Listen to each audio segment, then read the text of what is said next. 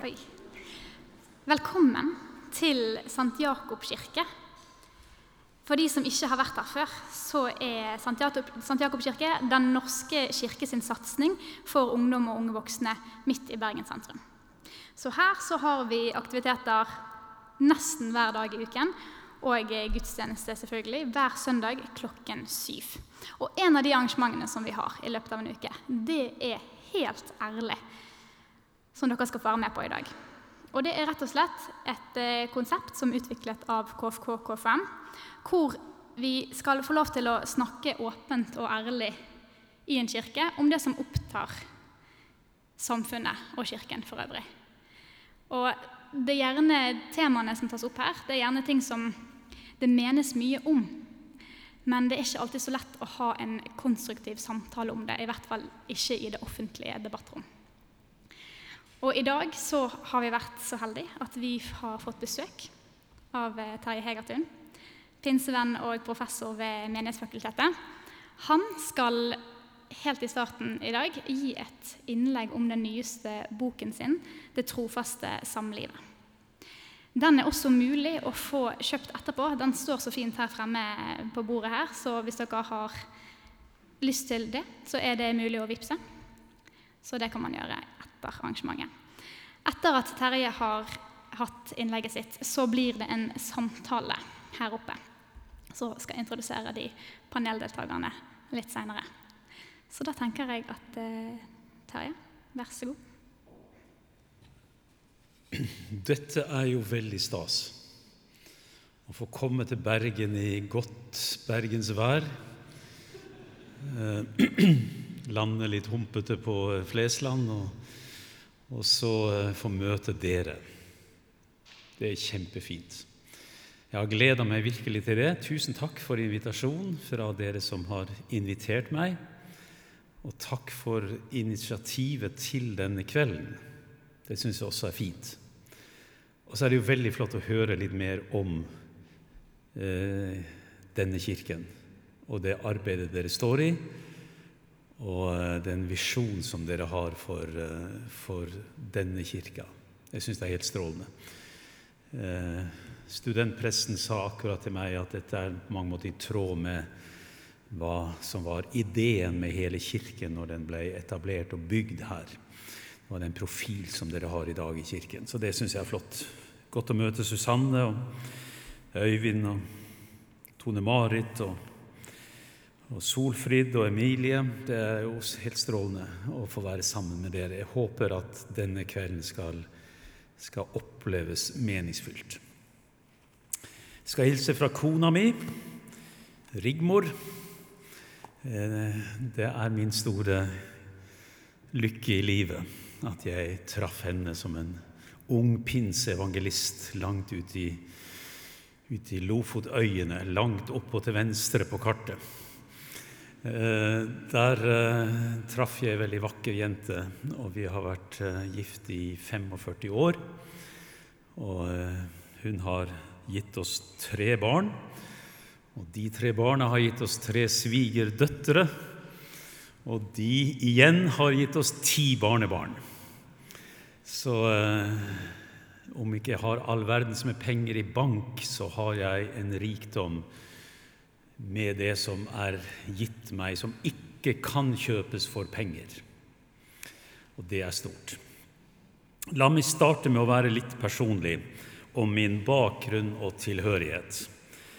Pinsevennene Jeg vet ikke hvordan det klinger i ørene hos deg. Men pinsevennene har nå vært mitt folk allerede før jeg kom ut av mammas mage et sted i Lofotens vakre landskap. Her ble jeg født. Lofoten pinsemenighet ble min åndelige mor. 16 år gammel lot jeg meg døpe, og jeg fikk en identitet som nådens barn.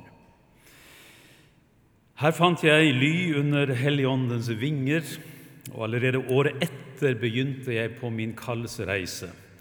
Vi begynte tidlig i de dager, 17 år gammel. Altfor tidlig, spør du meg nå. Men det brakte meg da til Værøy, hvor jeg da ikke bare møtte Rigmor, men møtte også pinsekvinnene, de som jeg kaller for det er de med glød i blikket og rull i nakken. Det var sånn de så ut, disse pinsedamene, som eh, elsket Jesus, og som øste av bønnens kilder. Og Her traff jeg da henne som har vært kjæresten min senere. Senere, i møte med fagteologi og forskning, så har jeg båret med meg skattene fra min barndomstro og det beste fra pinsefamilien. Kjærligheten til Jesus, respekten for Bibelen og ønsket om å tjene Gud. Det har alltid vært mine ledestjerner, ikke bare på talerstolen, men også når jeg har stått i auditoriet på, på MF, landets uh, fremste teologiutdanning. I fjor hadde jeg det privilegium at jeg fikk leve med Bibelen og med forskningslitteratur eh, og med mennesker jeg traff i samtale et helt år. Jeg, jeg, startet på et arbeid og skjønte snart at det begynte å ligne en bok, dette her. Og det var da den boken som resulterte i det trofaste samlivet. Et av de spørsmål som alltid er viktig for meg å stille, er dette Hvilke frukter og verdier er det som teologien skaper i møte med mennesker som hører den kristne forkynnelse? Da trenger vi å spørre, lytte og reflektere rundt det mottakerne av våre teologiske posisjoner og erfaringer hva de kjenner på sin egen kropp. Hvordan det erfares i livene deres, i følelsene og i den virkelighet som angår dem. Vi har ikke alltid vært like sensitive for det. Det blir ingen reell inkludering uten at vi også er villige til å se hvordan vi teologisk tilrettelegger en posisjon. Dette henger sammen. Dette er en kommentar til dem som sier vi må bli flinkere til å inkludere, men vi skal ikke gjøre noe med teologien. Vi er nok nødt til å gjøre begge deler. For øvrig definerer jeg meg som en klassisk teolog, hva nå det enn betyr. Kanskje med røtter i en konservativ kristendomsforståelse. Jeg har et nært forhold til skriftmaterialet, jeg har respekt for den kristne tradisjonen, og jeg er bevisst min pentekostale tilhørighet. Det hindrer meg ikke fra å jobbe åpent, faglig og kritisk også med spørsmål som er teologisk omstridte. Jeg har lenge latt meg utfordre av hvordan samlivsetikken har skapt så store spenninger i den verdensvide kirke. Det alvorlige midt oppi dette syns jeg er at Spenningene ikke bare er av teologisk art. Noen kirker speiler også negative samfunnsholdninger som finnes utenfor kirkene. Jeg skulle ha ønsket å sett modigere kirker i Øst-Europa og i deler av Afrika, der det er kirker som er blitt ideologiske våpendragere med samfunnskrefter som bl.a. åpent krenker homofile. Det er jeg svært lite stolt over. Her hjemme er temaet i stor grad utdebattert i det offentlige rom. Det har skapt en kommunikasjonsutfordring for bl.a. Eh, konservative kirker, frikirker. De ønsker å møte de homofile med åpenhet og respekt, men kjenner seg også samvittighetsforplikta til en bestemt forståelse av aktuelle bibeltekster, f.eks. Ikke minst gjelder det i de miljøer der homofilispørsmålet av en eller annen grunn er blitt opphøyd til selve testspørsmålet på bibeltroskap. Men det er faktisk ugreit at noen personer og miljøer blir kirkepolitiske ammunisjonsobjekter i en stillingskrig mellom teologiske fløyer. Det smaker ikke godt. Vi blir så lett ufølsomme for sårbarheten og smerten hos dem det angår. Dermed er jeg ved den andre grunnen til at jeg skrev de homofiles egne livsfortellinger. Jeg har fått en privilegert tilgang til noen av deres historier og de vanskelige valgene de ble stående overfor. Fastholde troen eller fortrenge følelsene. Leve alene eller kanskje gifte seg heterofilt. Dessuten, det gikk jo ikke over. Bønnene og forbønnene ble ikke besvart som vi kanskje hadde tenkt. Det etterlot seg noen skyggesider som ingen kirker i dag kan lukke øynene for lenger.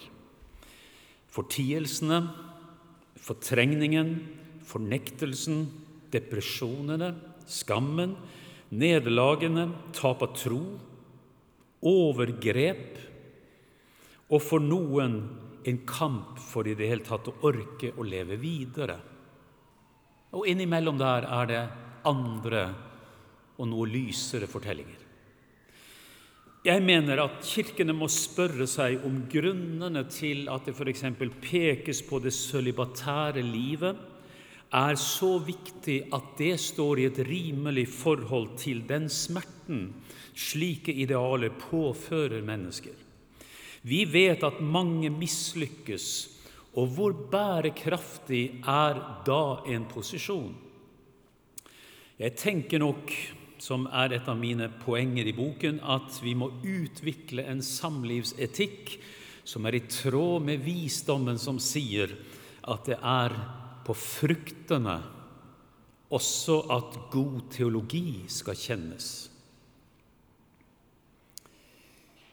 I en pinseforsamling, hvis jeg hadde sagt noe så bra som det, så ville jeg hørt et amen, et eller annet halleluja eller noe sånt. Det hører jeg ikke her, men Kanskje du sier det inni deg.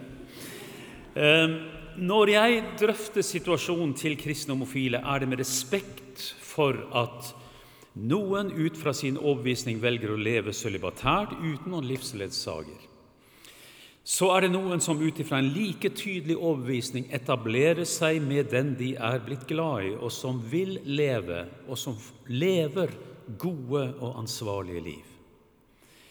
Dette er mennesker som på den ene siden ofte ikke kjenner seg hjemme i en veldig sånn liberal homokultur, og på en annen side har opplevd at menigheter de har vokst opp i, har markert en eller annen form for avstand til dem. De har altså havna i en ulykkelig skvis imellom to verdener, noe som har gjort at de ikke har fått den bekreftelsen de fortjener noen av stedene. Og Da blir ofte skadeomfanget betydelig. Resultatet er gjerne at den seksuelle orienteringen i stedet blir et gjentagende tema i skriftestol og sjelesorg. Det som kunne ha tilført livet livskvalitet og bli bekreftet og elsket av den andre, fremstår som stjålne frukter som tilranes i smug. Det er det ingen som lever godt med. Noen har sagt til meg at jeg er med på å rokke med en tradisjonell forståelse av samlivsetikken. Saken er snarere at forekomsten av stabile, homofile samlivsrelasjoner som er anerkjent av samfunnet og i stadig større grad også av kirkene, er mer eller mindre en ny historisk situasjon. I årene framover vil vi trolig møte flere homofile som fastholder en klassisk kristen tro, og samtidig snakker sant om sin identitet. Vi står altså i en situasjon der nye innsikter ikke nødvendigvis samsvarer med teologiske posisjoner som var blitt etablert lenge før de nye samlivsspørsmålene kom innenfor blikkfeltet av både samfunn og kirke. Og Det betyr at vi må arbeide med disse spørsmålene på måter som ikke bare handler om å fastholde noe i kraft av en lang tradisjonshistorie. Er dere med meg? Noen har også spurt om jeg, til, om jeg, i tilstrekkelig grad tar et oppgjør med samtidskulturen. Det håper jeg at jeg gjør, gitt det store fokus jeg har på de troskapsverdiene som er så dypt rotfestet i kristen tro. Derimot er det sider ved det vi kanskje kunne kalle for kirkenes og samfunnets fortidskultur, som trenger et kritisk søkelys. Og Det er også noe jeg forsøker å gjøre i denne boken. Jeg har altså forsøkt å skrive en bok som kanskje kan bygge en bro mellom frontene, som kan gjøre at vi unngår de splittelser som dette spørsmålet tradisjonelt har, vært, har stimulert til, og at vi eh, demper frykten. For det er en fryktkultur knytta til noen av disse spørsmålene også. For kirkene må gjenvinne, tenker jeg, den, den språklige frimodigheten i samlivsetikken. For uten den så fremmer vi bare den indre sekulariseringen av kirkene, og vi øker avstanden til samfunnet. Og det er ingen tjent med. Boken sier en god del som jeg har snakket med, har åpnet et rom som pastorer i dag kanskje må gå inn i, og som ikke har noe valg. Jeg tror ikke at norsk frikirkelighet f.eks. er befolket av mennesker med harde hjerter og homofobe holdninger. Derimot har mange blitt fortalt at dersom du er en kristen og homofil, men ikke lever sølibatært, så bryter du med Bibelens klare ord. Men hva om det fins en annen fortelling? Hva om det kan tegnes en alternativ forståelse? For eksempel har jeg allerede observert at konservative forkynnere pastorer og skribenter i dag nøler med å proklamere at homofilt samliv er iboende syndig, helt uavhengig av om det preges av en, tro, av en livslang trofasthet eller ikke. Slik lød det ikke for noen tiår tilbake. Selv om jeg i boken ikke drøfter kjønnsproblematikken i hele sin bredde, så skriver jeg noe om at kjønn er en grunnleggende, en grunnleggende komponent i den personlige identiteten og i våre relasjoner til andre. Nå syns nok jeg at kjønnsdebatten til tider er litt sånn ute av proporsjoner. Og jeg mener at kjønn ikke bare er en sosial konstruksjon. Det er ikke bare en tilfeldig egenskap som vi kan forhandle, som står til forhandling. Selv om det er mennesker som reelt sliter med kjønnsdysfori, fordi de kjenner seg ikke hjemme i det kjønn de en gang ble tildelt. Og det er helt reelt. Så er det liten grunn til å sette spørsmålstegn ved de alminnelige biologiske grunnstrukturene. Kvinner og menn er forskjellige og like på samme tid. Det kvinnelige og det mannlige supplerer hverandre, noe som beriker relasjonene våre. Vi er som kjønnede Guds gode gaver gitt til hverandre. Men derimot påvirker den kristne troen måten vi forvalter kjønnsforståelsen på. Når Paulus f.eks. proklamerer at her er ikke mann og kvinne, så handler det om at i, ved troen og i Kristus Jesus og i dåpen så er vi gitt en ny enhet og en ny likeverdighet. Vi kan heller tenke at i den nye pakt så fortsetter Gud sin skapelseshandling, men nå i Kristus. Paulus minner sine lesere om at i troen og dåpen så har, så, så har vi fått en sånn kjønnsoverskridende enhet som sprenger seg vei gjennom hierarkier, underordning og andre kjønnsbestemte begrensninger som i særlig grad historisk har rammet kvinner og skapt uheldige former for kjønnsstereotypier. Og Hvordan skal vi snakke om seksualitet? Jo, Noe av det jeg sier i boken, er at kanskje det er et vitnesbyrd om hvordan Gud har skapt oss med en lengsel etter å gå ut over oss selv og søke den andre. Når den seksuelle drivkraften søker fellesskap med et annet menneske, for dette menneskets egen skyld så sprenger vi selvnytelsens trange rammer, og vi forplikter oss overfor den andre. Mest sårbare er vi når disse rammene ikke er etablert.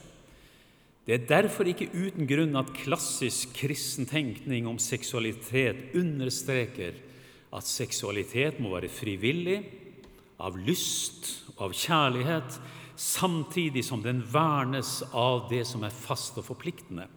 Du stiller opp i dag for den du begjærte i går. Vi kan leve godt med og uten sex, men vi trenger alle noen å elske. Vi ønsker å berøre, og vi ønsker selv å bli berørt.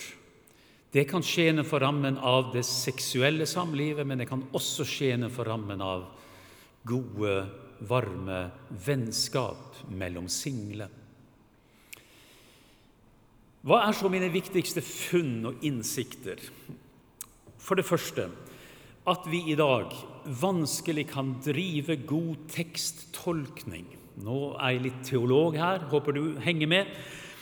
Vi kan vanskelig drive god teksttolkning av moralsk ladede bibeltekster uten å se dem i lys av det jeg kaller en etisk profil. En etisk profil. Det nye testamentet snakker f.eks. om at vi skal legge vind på alt som er sant og edelt, som er verdt å elske og akte, det som bygger opp, og det som er til den andres beste. Ikke sant? Dette er sånne flotte formuleringer som, som Det nye testamentet har. Ut fra dette forsøker jeg så å utvikle en samlivsetisk verdibørs som korresponderer med at vi alle er utstyrt med både en moralsk og en rasjonell kapasitet. Også den kristne troen aktiverer det indre kompasset som får kjærligheten til den andre til å sette seg noen mål. Ikke først og fremst at jeg skal seksuelt tilfredsstilles, men noen andre typer mål. Vi viser trofasthet. Vi tar ansvar. Vi er omsorgsfulle, vi har respekt for den andre. Vi fremmer gjensidighet, vi utvikler samarbeid, og vi bygger vennskap. I boken utvider jeg dette perspektivet ved å spørre om ikke nettopp de samme verdiene er kriterier for også hvordan homofile lever gode liv sammen. Hele poenget med det trofaste homofile samlivet er at det er regulert etter de samme forventningene om trofasthet som ekteskapet bygger på. Dersom dette er idealer som historisk ikke har stått sterkt i skeive miljøer, er det jo desto større grunn for at vi bør gi det støtte, og at kristne homofile som ønsker å ordne sitt liv i tråd med disse verdiene, får ryggdekning ifra oss. Jeg sier dette fordi jeg tror at den trofaste kjærligheten både er gulltråden og fyrtårnet i samlivsetikken. Og nå kan du ikke kødde med meg, for jeg har 45 års erfaring. den heterofile ekteskapspakten er en bærekraftig og velprøvd parrelasjon som fra uminnelige tider har vært båret fram ved hjelp av etiske kvaliteter som er tydelig forankret i veldig mange bibeltekster. Det er i dag viktig å fremsnakke både kjærligheten, trofastheten, dømmekraften og ansvarligheten mot det bakteppet av eksperimentering, av usikkerhet som rår rundt samlivsformer og kjønnsidentitet. Trofastheten gjenspeiler, syns jeg dessuten på en så vakker måte, den kjærlighetspakten Gud har inngått med oss som mennesker. Kjærligheten holder meg fast i et ansvar.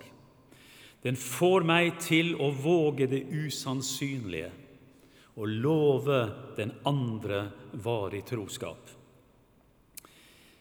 Det, det er jo både dristig og risikofylt fordi det innebærer muligheten for å bryte, men også friheten til å la være å gå. Trygghetskilden nummer én er at du er der når nødens time kommer. Selv om vi lever under syndens vilkår i verden, så kan to som elsker hverandre, bygge noe fint og varig sammen.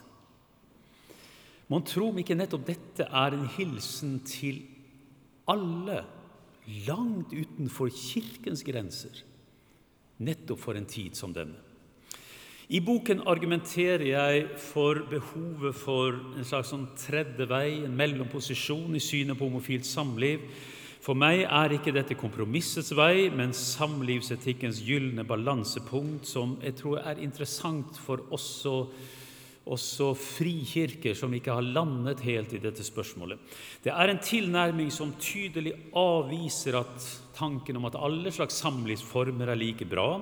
Det er en posisjon som ikke bagatelliserer de etisk relevante forskjellene som faktisk eksisterer i dag når samliv, foreldreskap, kjønn og identitet debatteres. Det er også en posisjon som tar avstand fra en litt sånn lettvint, eh, rent sånn liberal teologisk eh, påstand om at Paulus helt sikkert tok feil, og vi må sette til side deler av bibelmaterialet osv. Jeg tar til orde for en tydelig og frimodig ja til ekteskapet som en livslang troskapspakt mellom én mann og én kvinne. I den forstand tenker nok jeg at, at, at den alltid vil stå i en særstilling i i, i kraft av den majoritetsposisjonen den har. Men i tillegg så er boken min et like tydelig ja til at Kirkens medlemmer som har en annen seksuell identitet, kan få være med i det kristne fellesskapet uten noen former for begrensninger. Også de må kunne få virkeliggjøre sine drømmer om det trofaste samlivet med den de elsker. Jeg kan ikke se at vi med det skifter syn. Man velger ikke mellom det ene eller det andre. Man omstøter ikke noe, men åpner for en tenkning som ivaretar Kirkens vern om ekteskapet som den gode rammen for seksualitet og foreldreskap, samtidig som vi bekrefter den som har en annen seksuell identitet, og søker å leve innenfor ordnede rammer. I tillegg la meg si dette mot slutten her, i tillegg til at jeg fremholder etikken som et bevisst retningsvalg, så drøfter jeg også de aktuelle og omdiskuterte tekstene som det finnes noen få av i, i, eh, i GT og NT. Slik jeg ser det, så adresserer ikke de det som er temaet i boken, nemlig det trofaste samlivet spesifikt. Det ser ikke ut til å være innenfor tekstenes horisont overhodet. Tekstene beholder derfor best sin autoritet, er min posisjon. Når de forstås i tråd med det de faktisk beskriver, samlivsformer og livsstiler som er løsrevet ifra den etikk som alle relasjoner i dag utfordres på, og som er vårt mandat som kirker til å fremheve. Tekstene, og særlig i grad Romerne 1, som jo er kanskje den mest kjente av disse tekstene, lar seg best forstå når de rammer det de faktisk omtaler. Det dekadente, utagerende og tøylesløse begjæret. Vi kan ikke sette likhetstegn i dag mellom et, mellom et likestilt, homofilt forhold av i dag med en form for atferd som fikk en romersk borger når som helst til å forgripe seg på sin mannlige slave. Tekstene er derfor ikke treffende for den sak den kristne samlivsetikken ønsker å fremme for alle, nemlig et samliv som bærer i gode og onde dager. Paulus var vel informert, men han var neppe i stand til å se for seg muligheten av praktiserende homofile Jesus-disipler, som det sitter flere av i denne salen akkurat i kveld. Konservative kristne homofile som anerkjenner de trofasthetsverdier som ellers regulerer heterofile ekteskap, passer dermed ikke inn i det bildet som Paulus tegner i Romerne 1 er det derfor mulig ikke å se seg blind på eh, homoflagg, pride og paroler, men i stedet se at de homofile som er disipler av Jesus, og som tar ansvar for at det vokser fram en trofasthetskultur blant dem, ikke er tegnkandidater på et hedensk livsførsel, men på et kristent liv. Den troende kjennetegnes av et liv i ånden man drives ikke av seksuelle instinkter, men han har fått en helt annen type ansvarlighet inn i sitt liv. Jeg vil faktisk mene at dersom denne tenkningen støtter at alle, alle de relasjoner som bestreber seg på å fremme det trofaste monogamiet, så åpner det samtidig et rom til storsamfunnet og til alle som i dag er på leting etter det varige og stabile, som tåler både storm og stille. Klassiske samlivsverdier kan komme til å begynne å vise seg attraktive midt i postmoderniteten. Så kristen samlivsetikk skal ikke vi skjule.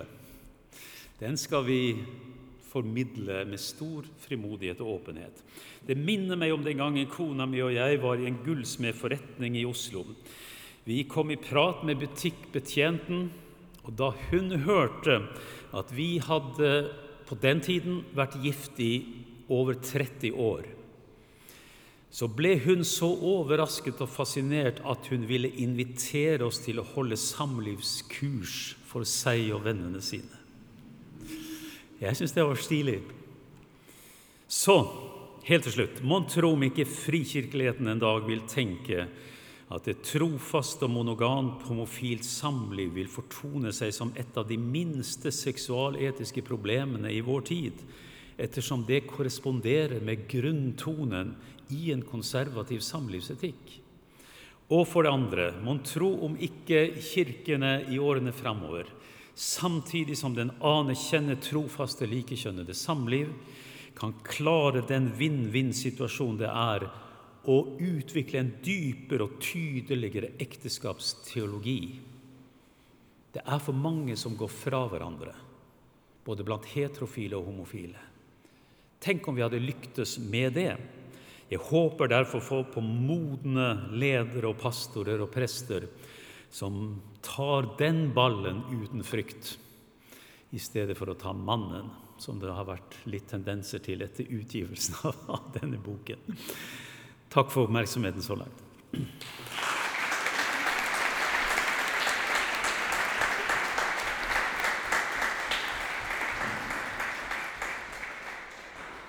Da kan eh, Tone Marit, Solfrid og Emilie, og også Terje, få lov til å sette seg og introdusere seg selv, kanskje? Ja. Vær så god. Takk. Der var det lyd. Du, Så fint å være her i lag med dere. Jeg skal snu meg litt her. Ja.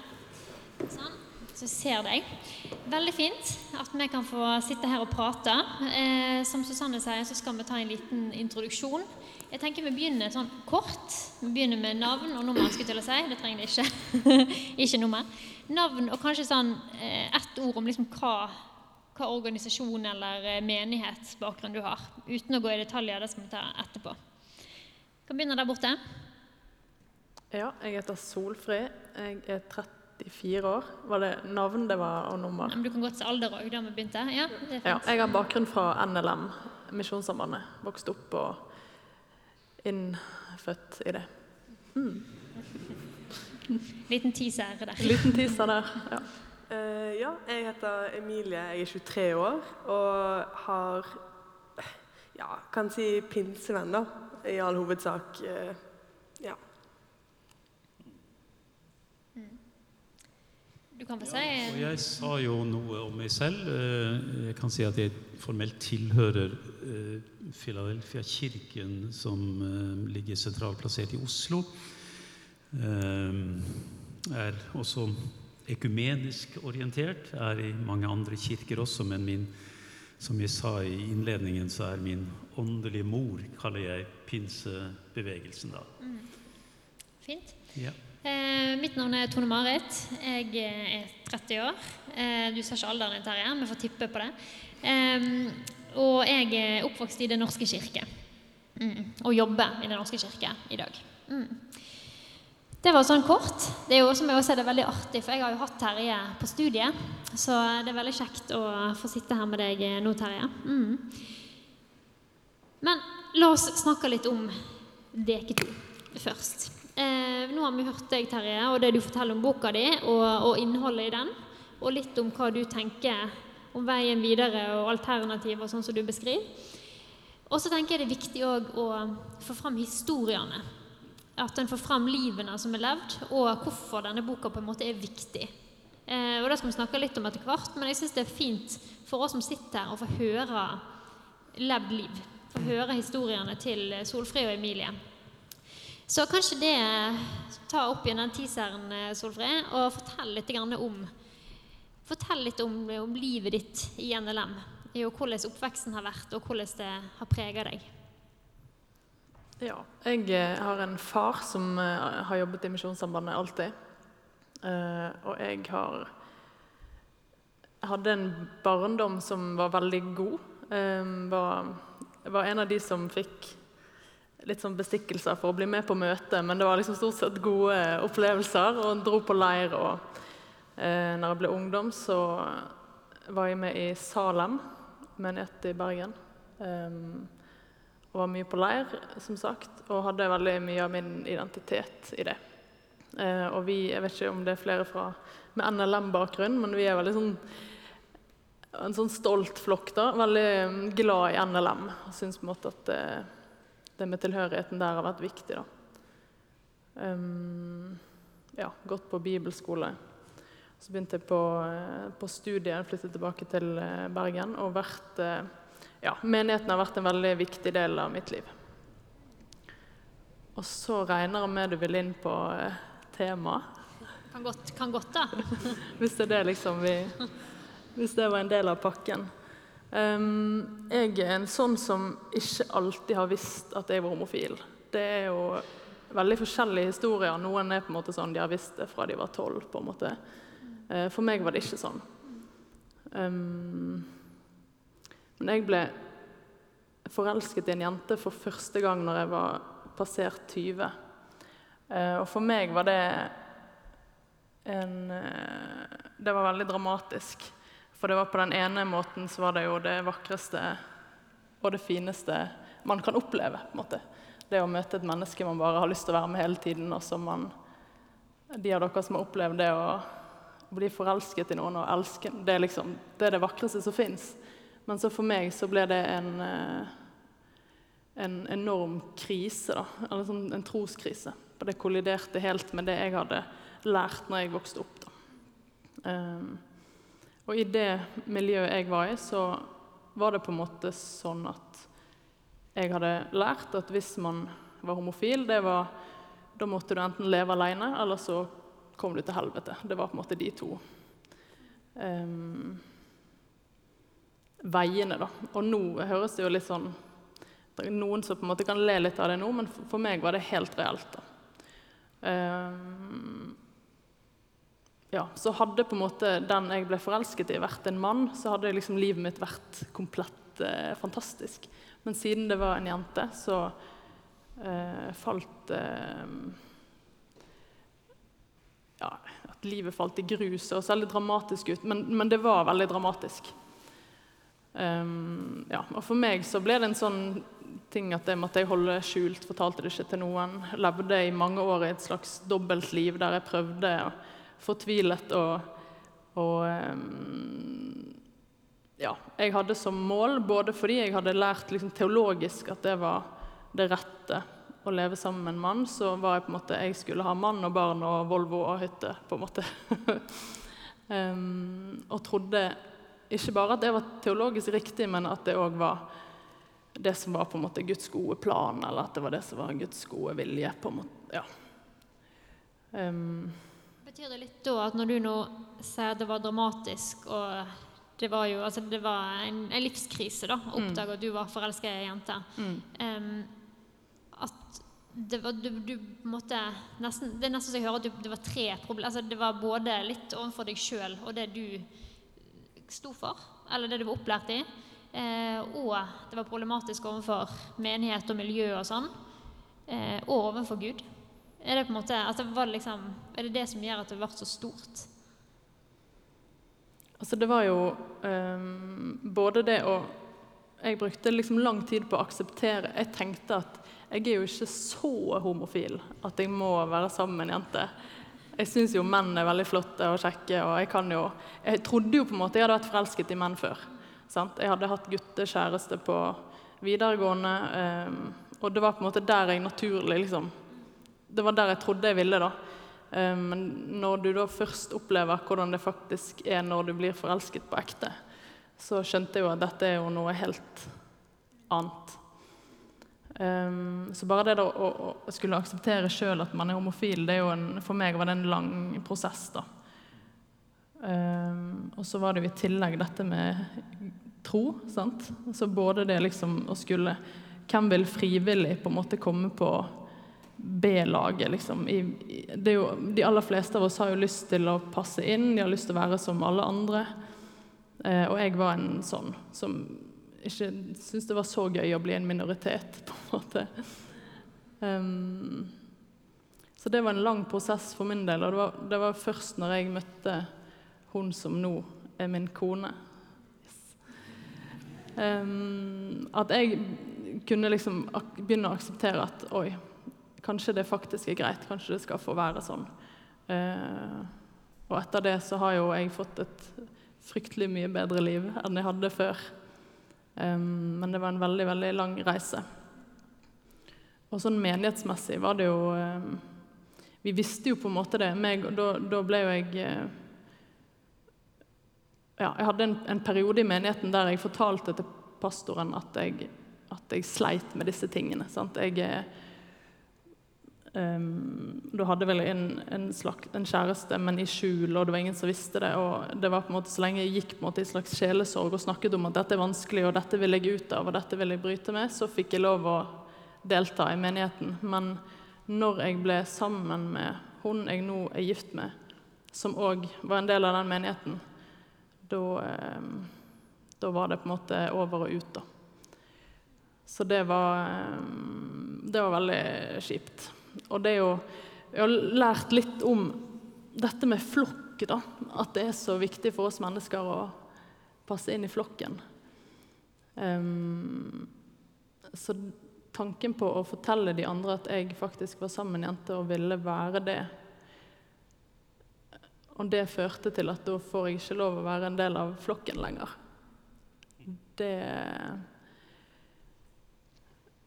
vi, vi, visste det jo på en måte. Begge, vokst, begge, både meg og min kone, er vokst opp i menigheter.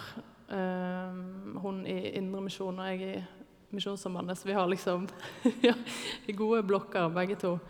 Og visste jo at når vi forteller at vi er sammen og vi har lyst til å være sammen, så får vi ikke lenger tjeneste. Men det var likevel uh, fryktelig vondt når, vi, når du på en måte du er i det, den menigheten du har vært i et helt liv, og det er liksom ditt hjem. Og så fordi at du er den du er, så er du på en måte ute. Sant? Da er du plutselig en slags Det er rart hvordan man i ett øyeblikk er liksom helt innafor, men så i neste øyeblikk så er du helt utafor. Hvordan, hvordan ble det helt utafor? Altså, sa de goodbye, eller eh, Helt, helt, konkret så var vi eh, i møte Vi ble liksom kalt inn da, til pastoren en, i en samtale. Um, etter vi hadde ja, blitt offentlige, da, at folk visste at vi var kjærester. Og da hadde vi allerede liksom trukket oss ut. Jeg var med i lovsangsarbeidet, og Linn Kristin var talte og var med i lovsangsarbeidet. Og vi hadde på en måte trukket oss ut allerede fordi vi visste at vi hadde ikke lyst til å bli førsteside i Utsyn, på en måte. Eller Vårt Land, eller Ja. Så vi eh, fant ut at det var liksom ryddig, da. Og det fikk vi jo på en måte bekreftet, at, vi, at det, var liksom, det, var flott at vi gjorde det, for selvfølgelig kan vi, dere ikke ha tjeneste. Eh, og i, Salem, når vi var der, i hvert fall, så var det sånn at vi kunne Altså, vi kunne ikke vi kunne ikke tale, vi kunne ikke være med i lovsangen, vi kunne ikke være møteledere. Vi kunne ikke deltatt egentlig på noen ting. Um, og det er rart hvordan jeg før har på en måte tenkt at ja, ja, men jeg skjønner at de må ha noen, de må ha noen regler, de må, ha noen, de må stå for et syn. Jeg har vært med på å si til en som var samboer, at han ikke kunne spille piano på møtene, og liksom tenkt at sånn må det være. Og så plutselig så er man en av de sjøl som ikke passer helt inn i akkurat den forståelsen av hvordan har vi det her.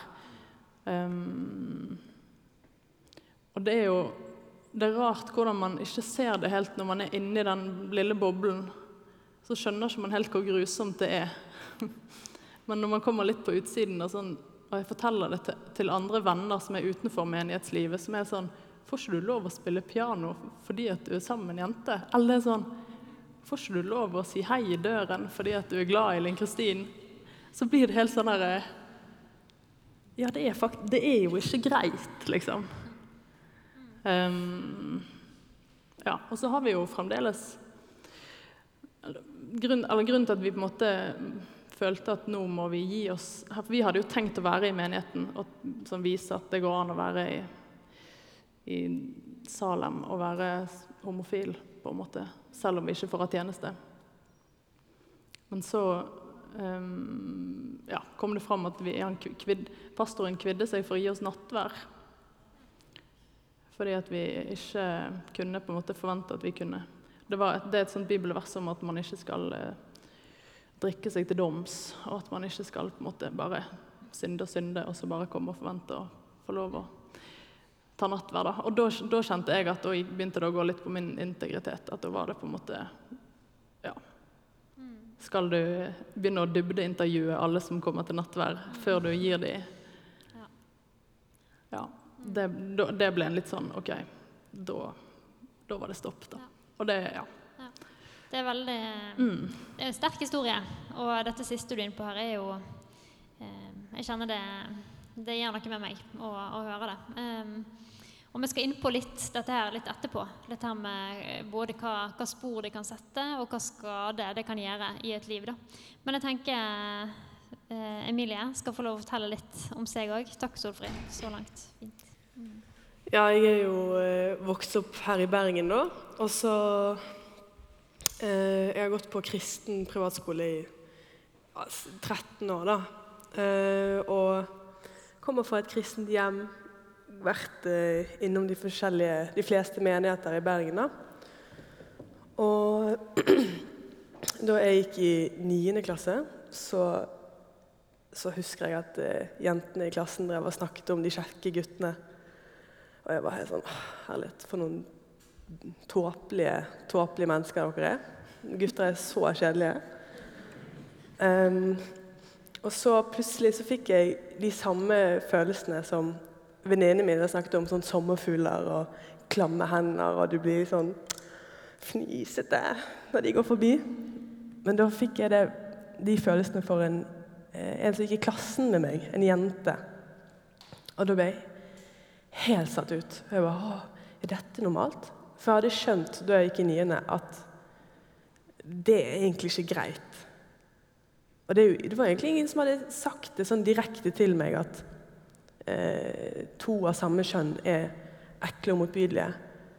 Men jeg som niendeklassing hadde da kjent det på hele skolen og medelever og slekt at det er ekkelt.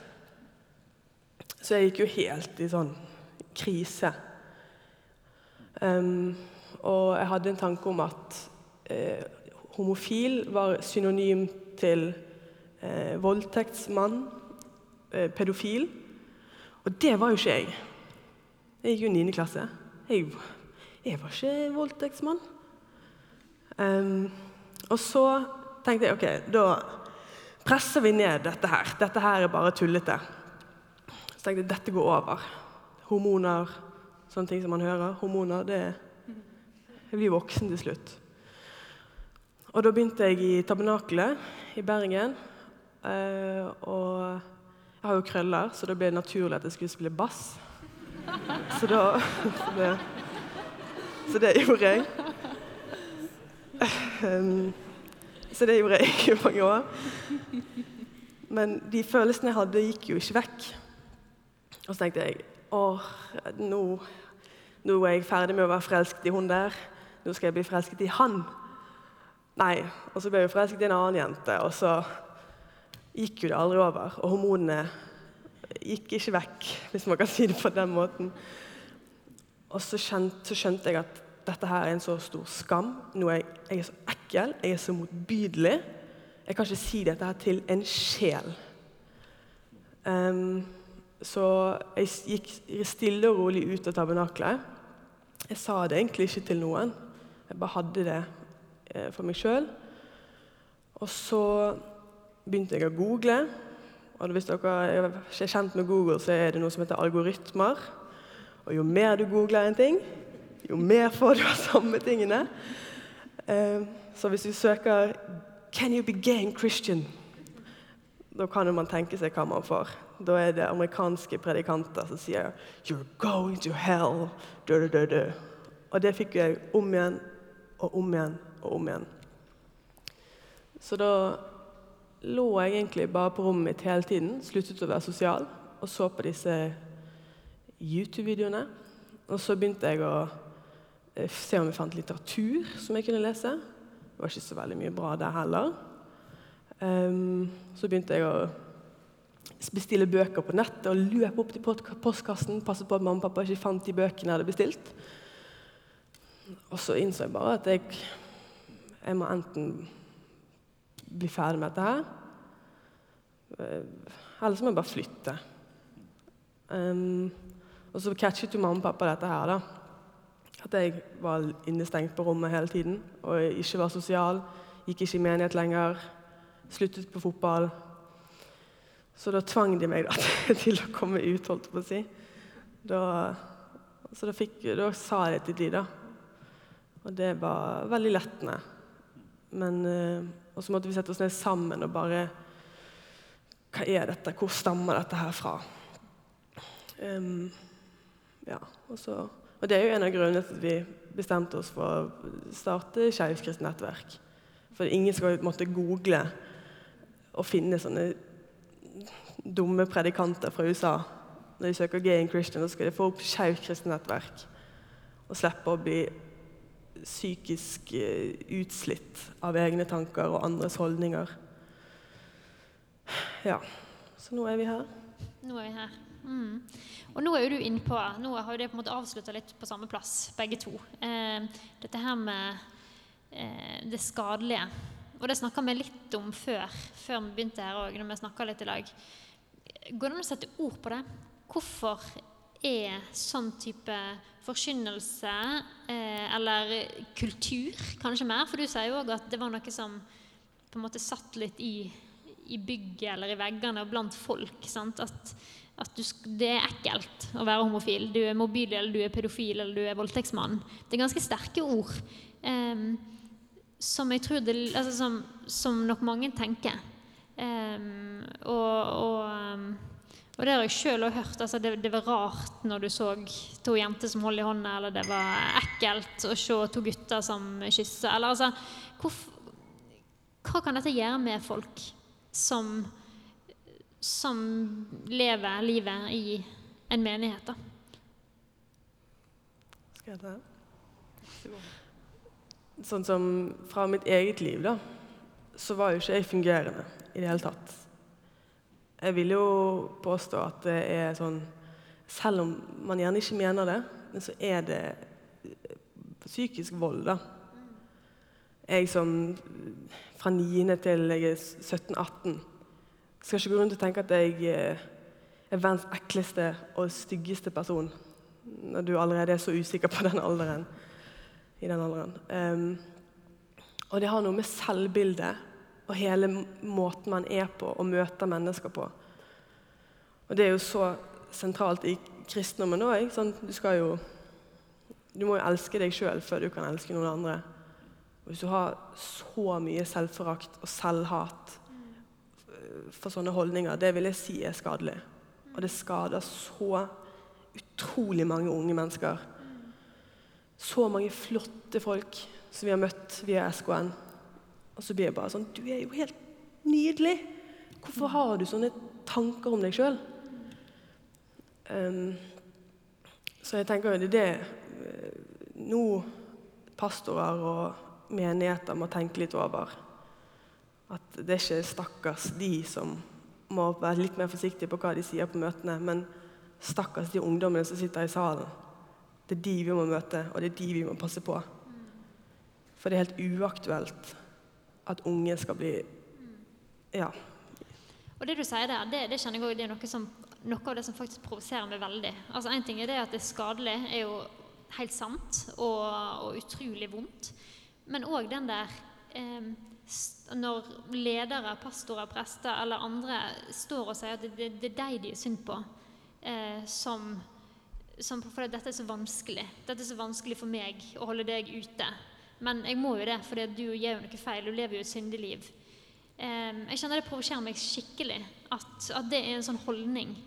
At, eh, at, det er synd på de som på en måte må ta avstand fra meg som er homofil. Mm. fordi at det, det så, For min del er det så feil da, at det er sånn det skal være. Det burde heller vært ja, det er en, handler litt om hvordan en ser på en situasjon. Men jeg tenker litt til deg, Terje. Du er jo jeg si, du er jo et, et varmt, godt menneske, sånn som jeg kjenner deg. Du er en professor, du er en respektert pinsevenn. Og i hvert fall det før det går ut boka.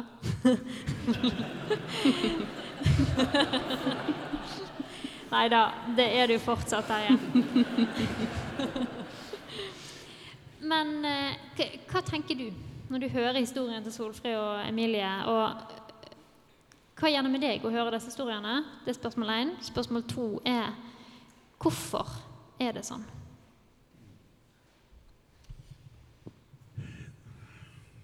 Jeg kjenner meg privilegert for å sitte og høre på disse historiene. Eh, både til Solfrid og, og Emilie. Eh, de føyer seg inn i de, de andre historiene jeg har hørt. For i starten, når jeg begynte å jobbe med denne tematikken, så bestemte jeg meg for at jeg skulle, skulle lytte inn disse historiene. Og det var jo de flotteste mennesker som jeg kunne tenke meg, som møtte meg og delte sin historie.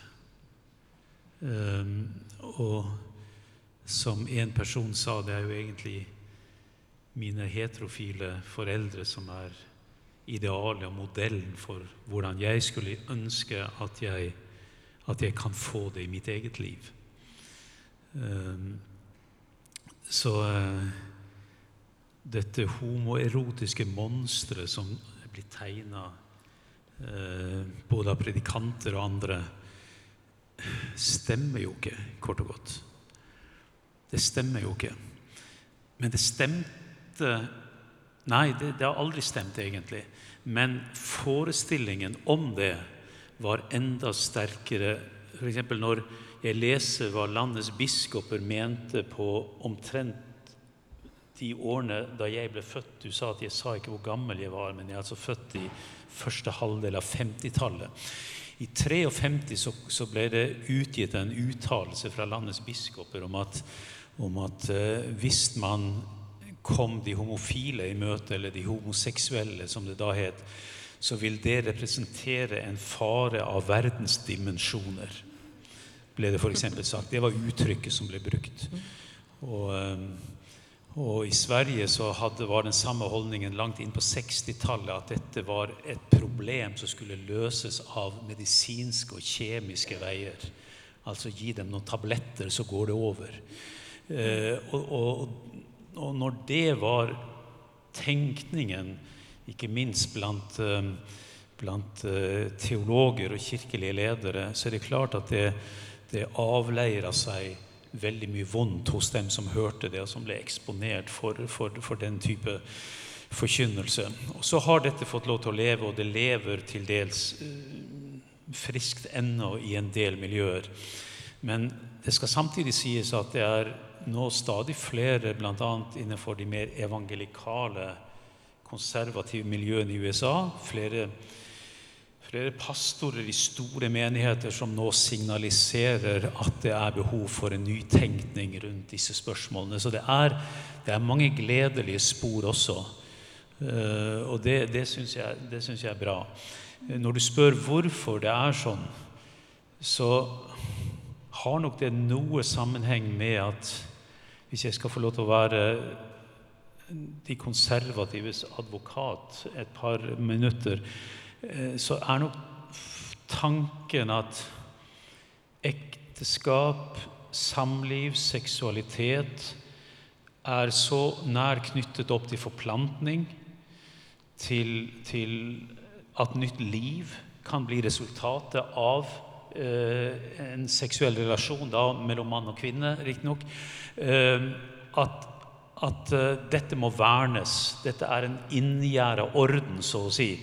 Uh, man, man, har tenkt sånn og tenker til dels fremdeles sånn. Så noe av min spenning for årene fremover, det er jo om man f.eks. innenfor frikirkeligheten også vil åpne for en likekjønnet liturgi, eller man vil si at ekteskapet per definisjon er heterofilt, men la oss finne gode ordninger og rammer for homofile som ønsker å leve ansvarlige liv. Altså, jeg ser ikke bort ifra at det også vil kunne bli en, en, en, en diskusjon. Eh, men det siger nå sakte, men sikkert innover alle kristne, også pastorer som kanskje står sist i køen her, eh, at, eh, at homofili ikke er selvvalgt. At det, at det er en identitet som noen har, og som man må respektere fullt ut. Og Så kunne man jo spørre hvor var kirkene på 60-tallet, når det fortsatt var en del av, av, av norsk kriminalomsorg å behandle homofile? Hvorfor var ikke kirkene like radikale som Jesus var i å stå opp for dem som virkelig trengte noen til å beskytte seg, som så hva som sto på spill her? Men det gjorde man ikke. I stedet så dilte man etter og så blir problemet for en del konservative miljøer ja, vi må tilpasse oss samtidskulturen. Det er noen som har gått foran. Vi, vi, kan ikke lenger hindre det.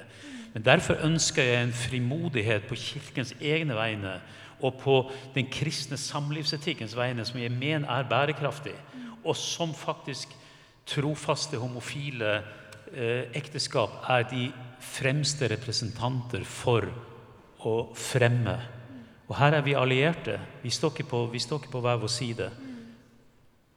Vi kan stå sammen om dette. Mm. Emilie, jeg sa du skriver for harde livet. Kom med det. Nei, jeg eh, Jeg syns det var interessant at du tok opp det med eh, Du sier på 60-tallet så var vi Eller så var Kirken med på Ja. Og men det er, ganske, eller, det er, jo en stund siden. Hva er grunnen til at det ikke har skjedd så mye? At Kirken ikke har stått mer fram for de minoritetene øh, som oss? Det er jo Nei, det har, det har nok ikke skjedd så mye som iallfall du, Emilie, kunne ønske. Men det har samtidig skjedd en god del. Mm. Men det har i noen miljøer låst seg litt ved at, som jeg sa i sted, så er, blitt, så er dette spørsmålet blitt et slags sånn testspørsmål på om mm. man fortsatt er, kan si å være trofast mot Bibelens klare ord osv. Mm. Altså, det er mange sånne formuleringer som holder mennesket fast nesten i en sånn fryktkultur. Eh, og en slags sånn forestilling om at det er en sånn dominoeffekt. At slipper man opp dette, så så, så, så, så er alt ja, Jeg er veldig spent på den der så Hva er det? Ta så. Ja, det jeg, men nå ser jeg Solfrid har en uh, Ja, fordi det er jo litt det jeg mente når jeg sa at fra å være helt innafor, så var jeg plutselig helt utenfor. Mm. For da har jeg hadde vært en del av det miljøet alltid, og alle på en måte Eller de som kjente meg, visste at jeg har jo lest i Bibelen, på en måte. Og uh, det at hvis man, sant, hvis man da endrer mening i det standpunktet, så er man på en måte spedalsk. Sant? Da er man liksom Da er man blitt liberal. Sant? Da er du ja, Da kan ikke vi høre på deg lenger, på en måte, for du har, du har falt utenfor. Jeg husker vi snakket en gang eller Du ble liksom, for du er oppvokst i kirken og ble liksom overrasket over at Å ja, er dette med homofili et frelsesspørsmål for deg? Sant? For, for, oss i de miljøene så var det så absolutt det. Um, og Det er jo det som gjør det så fryktelig dramatisk, og det er det òg som jeg tror eh, gjør at det er mange i de miljøene som er veldig redde.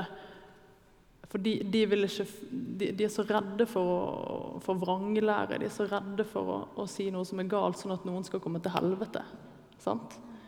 Um, så tror jeg jo heldigvis ikke at det er sånn lenger.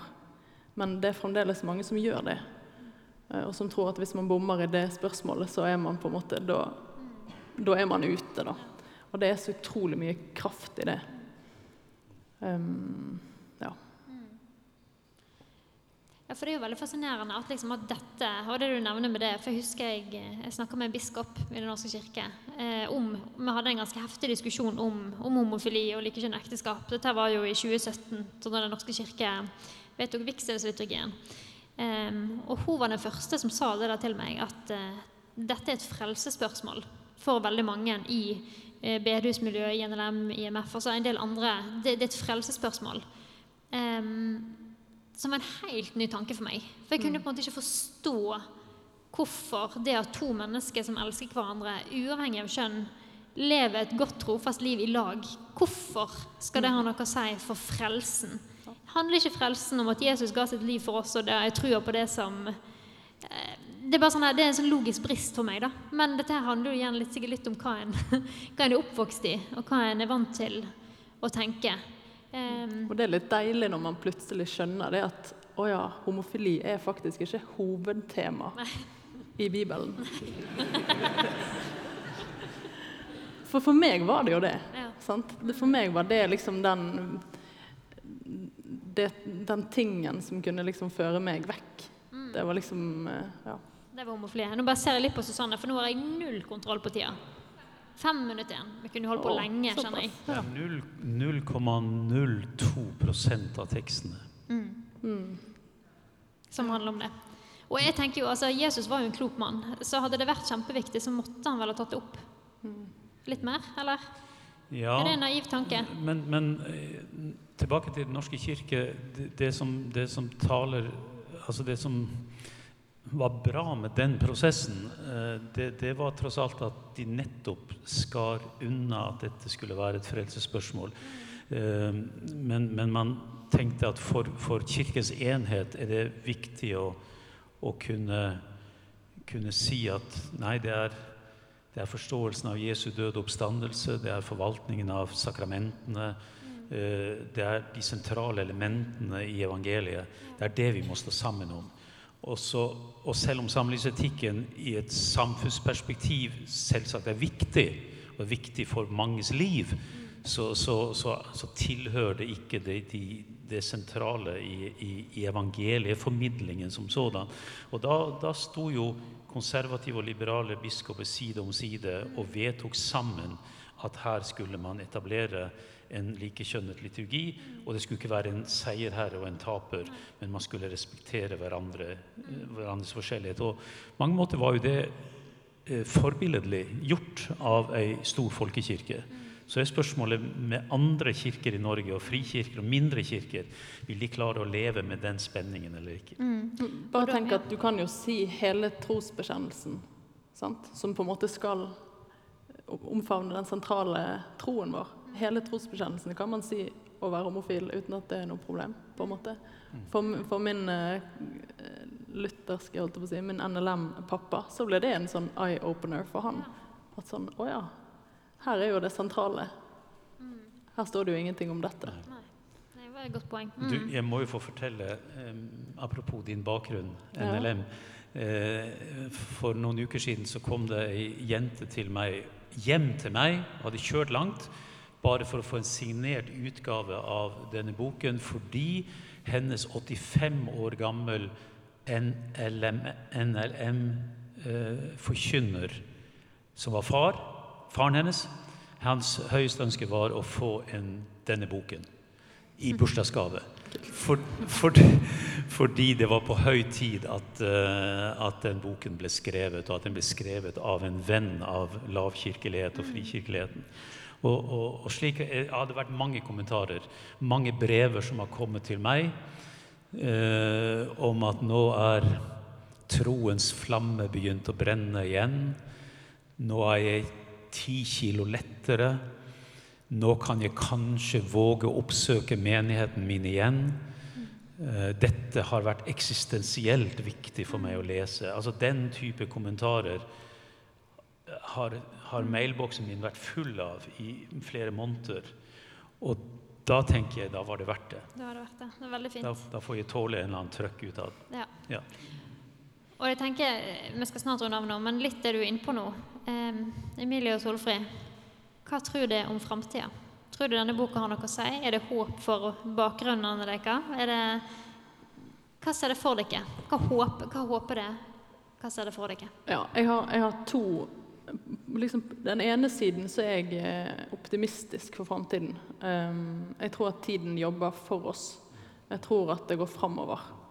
Uh, samtidig så uh, ble, mister jeg litt motet av å på en måte tenke på hvor lang tid jeg brukte på å endre mening.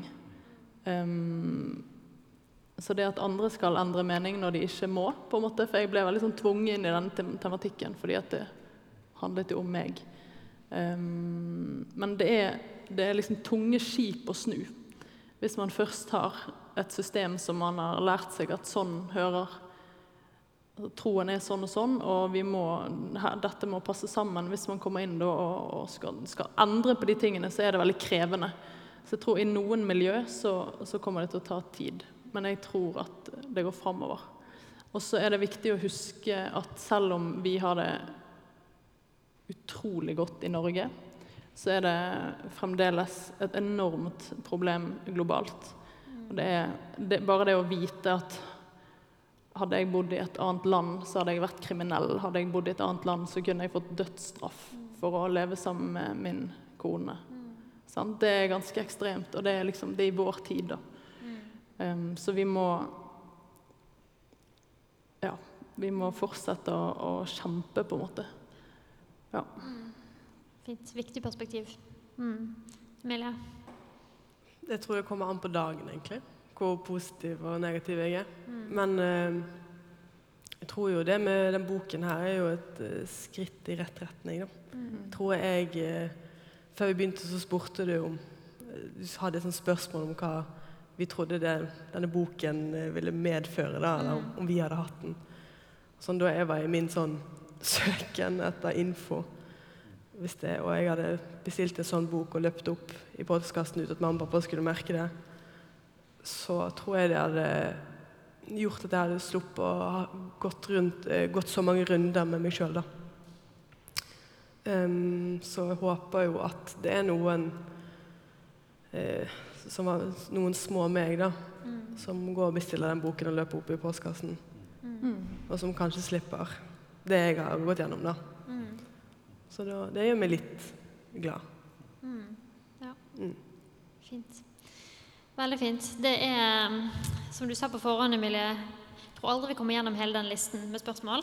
Jeg håper ikke det, og det er helt riktig. Vi kom langt ifra gjennom. Men det er fordi dette er viktige historier å få fram, tenker jeg. Og så er det viktig å holde fast på det håpet da, som nå er litt innom på slutten òg, og det som du òg nevner, Terje, at eh, hvis en håper det, at det kan skje endring. Eh, og det håper jeg jo, for en del av disse historiene er jo skadelige, og de skjer jo i dag òg. Eh, de skjer ikke bare når det var yngre, eller vi var yngre.